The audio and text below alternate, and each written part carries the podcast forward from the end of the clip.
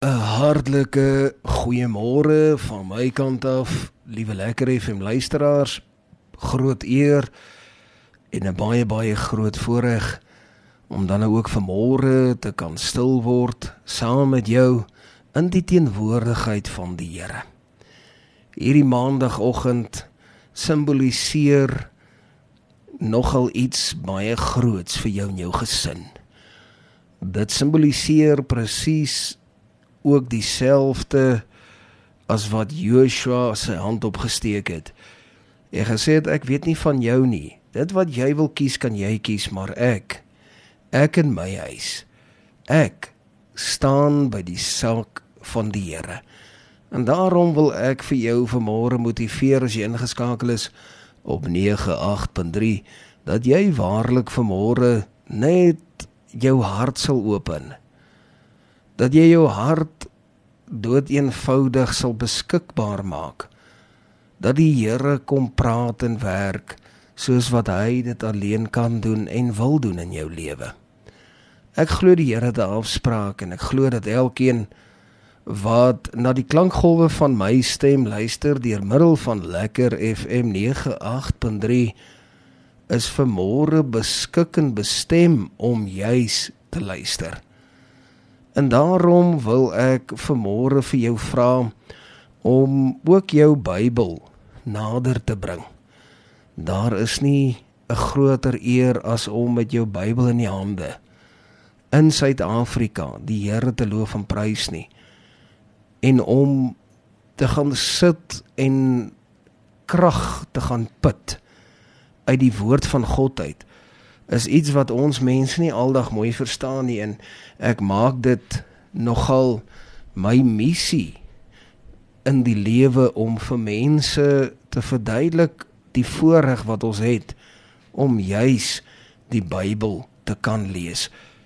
Want terwyl jy vermôre na my stem luister is daar letterlik honderde duisende mense wat graag sal wil die woord van God lees maar wat dit nie mag doen nie wat heidaglik deur die gereg ek wil amper sê so gepenaliseer en agtervolg word en dat hulle nie die Bybel by hulle mag hê nie. Daar sommige wat gemartel word vir die woord van die Here. En hier is ek en jy in Suid-Afrika in Gauteng en in Pretoria heeltemal vry om die woord van die Here vas te hou. Terwyl ons dit kan doen, kom ons doen dit. Kom ons doen dit. En ek verkies nog die die Bybel met sy fisiese bladsye. Jy kan daar op jou foon of op jou tablet enige hulpmiddel wat jy tot jou beskikking het, kan jy gebruik om dan nou ook saam te lees en ek wil hê jy moet vir my blaai. Ek gaan vanmôre vir jou slegs twee verse lees daaruit die tweede boek van die Kronieke hoofstuk 11 en ek wil vir jou lees vers 22 en 23 en ek wil vir jou die geleentheid gee om daarheen te blaai of om jou Bybel te gaan haal uh, jy's meer as welkom om nou dadelik 'n plan te maak om jou Bybel in hande te kry en bring ook sommer 'n potlood saam, pen saam. Uh, ek is nogal een wat daarvan hou om in my Bybel te skryf. As jy my Bybel in die hande kry, sal jy sien dit lyk soos 'n inkleerboek. En nie eers 'n mooi inkleerboek nie, dit lyk asof 'n 2-jarige 'n klompie koutjies en penne bymekaar gemaak het en in my Bybel ingevaar het. Gelukkig weet ek wat aangaan en skryf die datum daar, maak notas soos die Here met jou praat. Later aan dan is dit asof dit vir jou groot seën is. As jy weer spesifiek blaai en jy lees en jy sien 3 jaar terug of 10 maande terug of 3 weke terug die Here hier met my gepraat en dan is dit sommer weer kosbaar dat die Here weer 'n nou woord in jou hart kom aflewer. En dit is my aanbeveling vir môre. 2 Kronieke hoofstuk 11 vers 22 en 23 baie interessant. En ons het hier te maak met die familielyn uit die aard van die saak van Salomo, koning Dawid wat koning was toe Salomo en toe Salomo uiteindelik gesterf het, het sy seun Rehabeam toe uiteindelik die koning geword. En dit is vanuit hierdie gedagte wat ek hierdie skrifgedeelte wil lees. En kom ons lees dit saam en dan gaan ons saam bid en dan gaan ons 'n paar gedagtes vir jou oorweging deel. Maar kom ons lees dit vanmôre saam. Baie interessant. staan hier opgeskrywe en Rehabim het Abia die seun van Maga as hoof as vors onder sy broers aangestel want hy wou hom koning maak en hy het verstandig gehandel en van al sy seuns versprei in al die streke van Juda en Benjamin en al die ver streke en al die versterkte skus versterkte stede en aan hulle voedsel in oorvloed gegee en 'n menigte vroue vir hulle gevra. Kom ons lees dit weer vers 23. En hy het verstandig gehandel. Een van al sy seuns versprei in al die streke van Juda en Benjamin in al die versterkte stede en aan hulle voedsel in oorvloed gegee en 'n menigte vroue vir hulle gevra. Tot sover die woord van die Here. Kom ons sit net so. Dan sluit ons die oë, dan bid ons saam. Hemelse Vader, dankie vir u woord. Dankie dat u woord vermore treffend in ons gees afgelewer word. Wat 'n kosbare voorreg. Wat 'n groot genade. Dankie dat u woord sy merk vermore tref in die harte van elke lekker FM luisteraar. Dis my gebed in Jesus naam. Amen. En amen. Baie baie interessant. As 'n mens hier lees vers 23. En hy wat Rehabim was. Hy het verstandig gehandel. Nou hierdie is 'n baie belangrike woord wat hulle spesifiek hier vanuit die Ou Testament gebruik waarop ek net so bietjie wil fokus veral as 'n mens met die oog op Salomo se lewe kyk na hoe die sake in mekaar gevleg het en dan wil ek graag 'n opmerking maak. En ek het dit nogal hier baie duidelik neergeskrywe en wil ek dit hier lees letterlik soos wat ek dit geskryf het as die wysheid het ek hier geskryf van die Here in jou as 'n ouer se hart is. Is die kanse uiters goed dat dit sal oordra na jou kinders. Hierdie is vir my ongelooflik ongelooflik treffend. Salomo, een van die mees verstandigste mense op dese aarde indien nie die verstandigste mens nie. Ons weet dat Salomo aanvanklik toe hy koningskap aanvaar het, het hy die Here genader en hy het vir die Here nie gevra prompt uit vir wysheid nie. Baie van ons het so groot geword, ons het gehoor uh, Salomo het gevra vir wysheid en toe gee die Here hom wysheid. Maar die Here gee hom toe al die ander dinge by omdat hy gevra het verwys het. Maar eintlik is dit nie heeltemal akkuraat nie. Ja, uiteindelik so. Maar hy het eintlik gesê, Here, hierdie koninkryk is baie groot en ek is baie klein. Ek is baie jonk. Here, wil U nie vir my kom lei by die ingang en die uitkom van hierdie volk nie?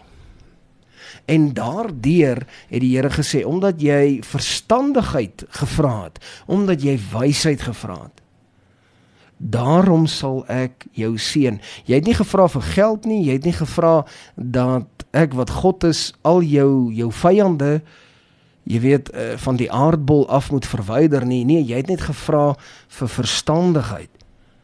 En is dit nie treffend om te sien dat Salomo se verstandigheid ook oorgespoel het na Rehabim toe, sy seun wat uiteindelik koningskap aanvaar het nie? Is dit nie so kosbaar? Want ons weet mos nou dat die wysheid van die Here binne in Salomo vervat is. Dit beteken die Here was vervat binne in die hart van Salomo. Want wysheid behoort aan die Here. Wysheid in die kern daarvan behoort mos aan die Here en as die wysheid van die Here in die hart van die mens is, dan is die saak van die Here in die hart van die mens. En as jy as 'n ouer se hart vir die saak van die Here is, dan is ek van absolute oortuiging. En ek praat hier van 'n totale totale oortuiging dat dit sal deurspoel na jou kinders toe. Na al jou kinders toe. En baie maal sit ons met 'n geweldige bekommernis, dan dink jy jy weet, sal my kinders, sal my kinders werklik sal hulle sal hulle alright wees? Is is is daar hoop vir my kinders? Die grootste uitkring, liewe lekker FM luisteraar, op dese aarde, die grootste uitkring effek wat bestaan is na jou kinders toe, van jou af na jou kinders toe en na jou kleinkinders toe. Die ripple effek, die uitkring effek. Dis mos nou as jy as jy mos nou 'n klip in die water gooi. Daar waar die klip mos nou in die water beland, kring hy uit. Hy gee kring, hy gee ripple effek af. Die grootste ripple effek is die feit dat jy rippel af na jou kinders toe en na jou kleinkinders toe. En dit is sekerlik vir môre die heel belangrikste wat ons moet verstaan met die inagneming van jou nalatenskap en dit is ook die titel van vanmôre se oggendoordenkings is die nalatenskap. Wat los jy? Wanneer die saak van die Here in jou kinders se harte is, dan het dit by jou begin. As jy 'n begeerte het dat die Here se saak in jou kinders se harte moet wees, dan is die nodigheid daaraan dat dit by jou moet begin. En ja, het ons baie foute en maak ons maak ons uh, uh, weet uh, het ons het ons struikelblokke wat wat onder ons voete beland. Ja, ons is nie perfek nie. Ek is seker daarvan jy kan vir my 'n hele vel papier, A4 papier vol skrywe van van al die foute wat jy daagliks maak en dieselfde aan my kant. Ek kan vir jou baie neerskrywe van waar ek foute begaan en wat ek bely en wat ek voor die aangesig van die Here noem en wat ek vra Here vergewe my maar die kern van my hart is vir die saak van die Here. En as jy daardie begeerte het en jy dra dit oor, dan sal die verstandigheid ook dan nou in jou kinders se harte teenwoordig wees, net soos wat dit oorgedra was treffend genoeg na Salomo se seun Rehabim wat uiteindelik sy seun wat hy gehad het by Maga as hoof en as vors daar aangestel was en dan verder het hy verstandig gehandel. Daar is daar is niks wat meer soet klink as om te sien dat jou kind verstandig handel nie.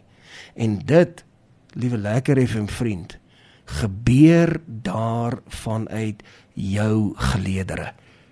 En ons gaan môre weer hieroor gesels en Net so laaste opmerking, ons lees hier in die koerant mos nou die dag dat uh, die probleem van dat ons 'n situasie het van waar die die evangelie binne in skole al hoe meer afneem.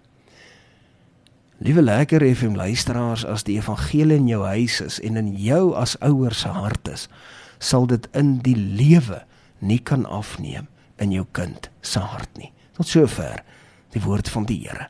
Kom ons dit net so dan. Sluit ons die oë dan bid ons saam. Hemelse Vader, dankie vir u woord. Dankie dat u woord ons vanmôre waarlik aanspreek en daar is tot absolute stigting, tot lering en teregwysing. Here help ons om hierdie woord te verstaan. En Here baie dankie dat u guns daar is en dit bid ons nie omdat ons dit verdien nie, maar alleen van die genade. Amen en amen.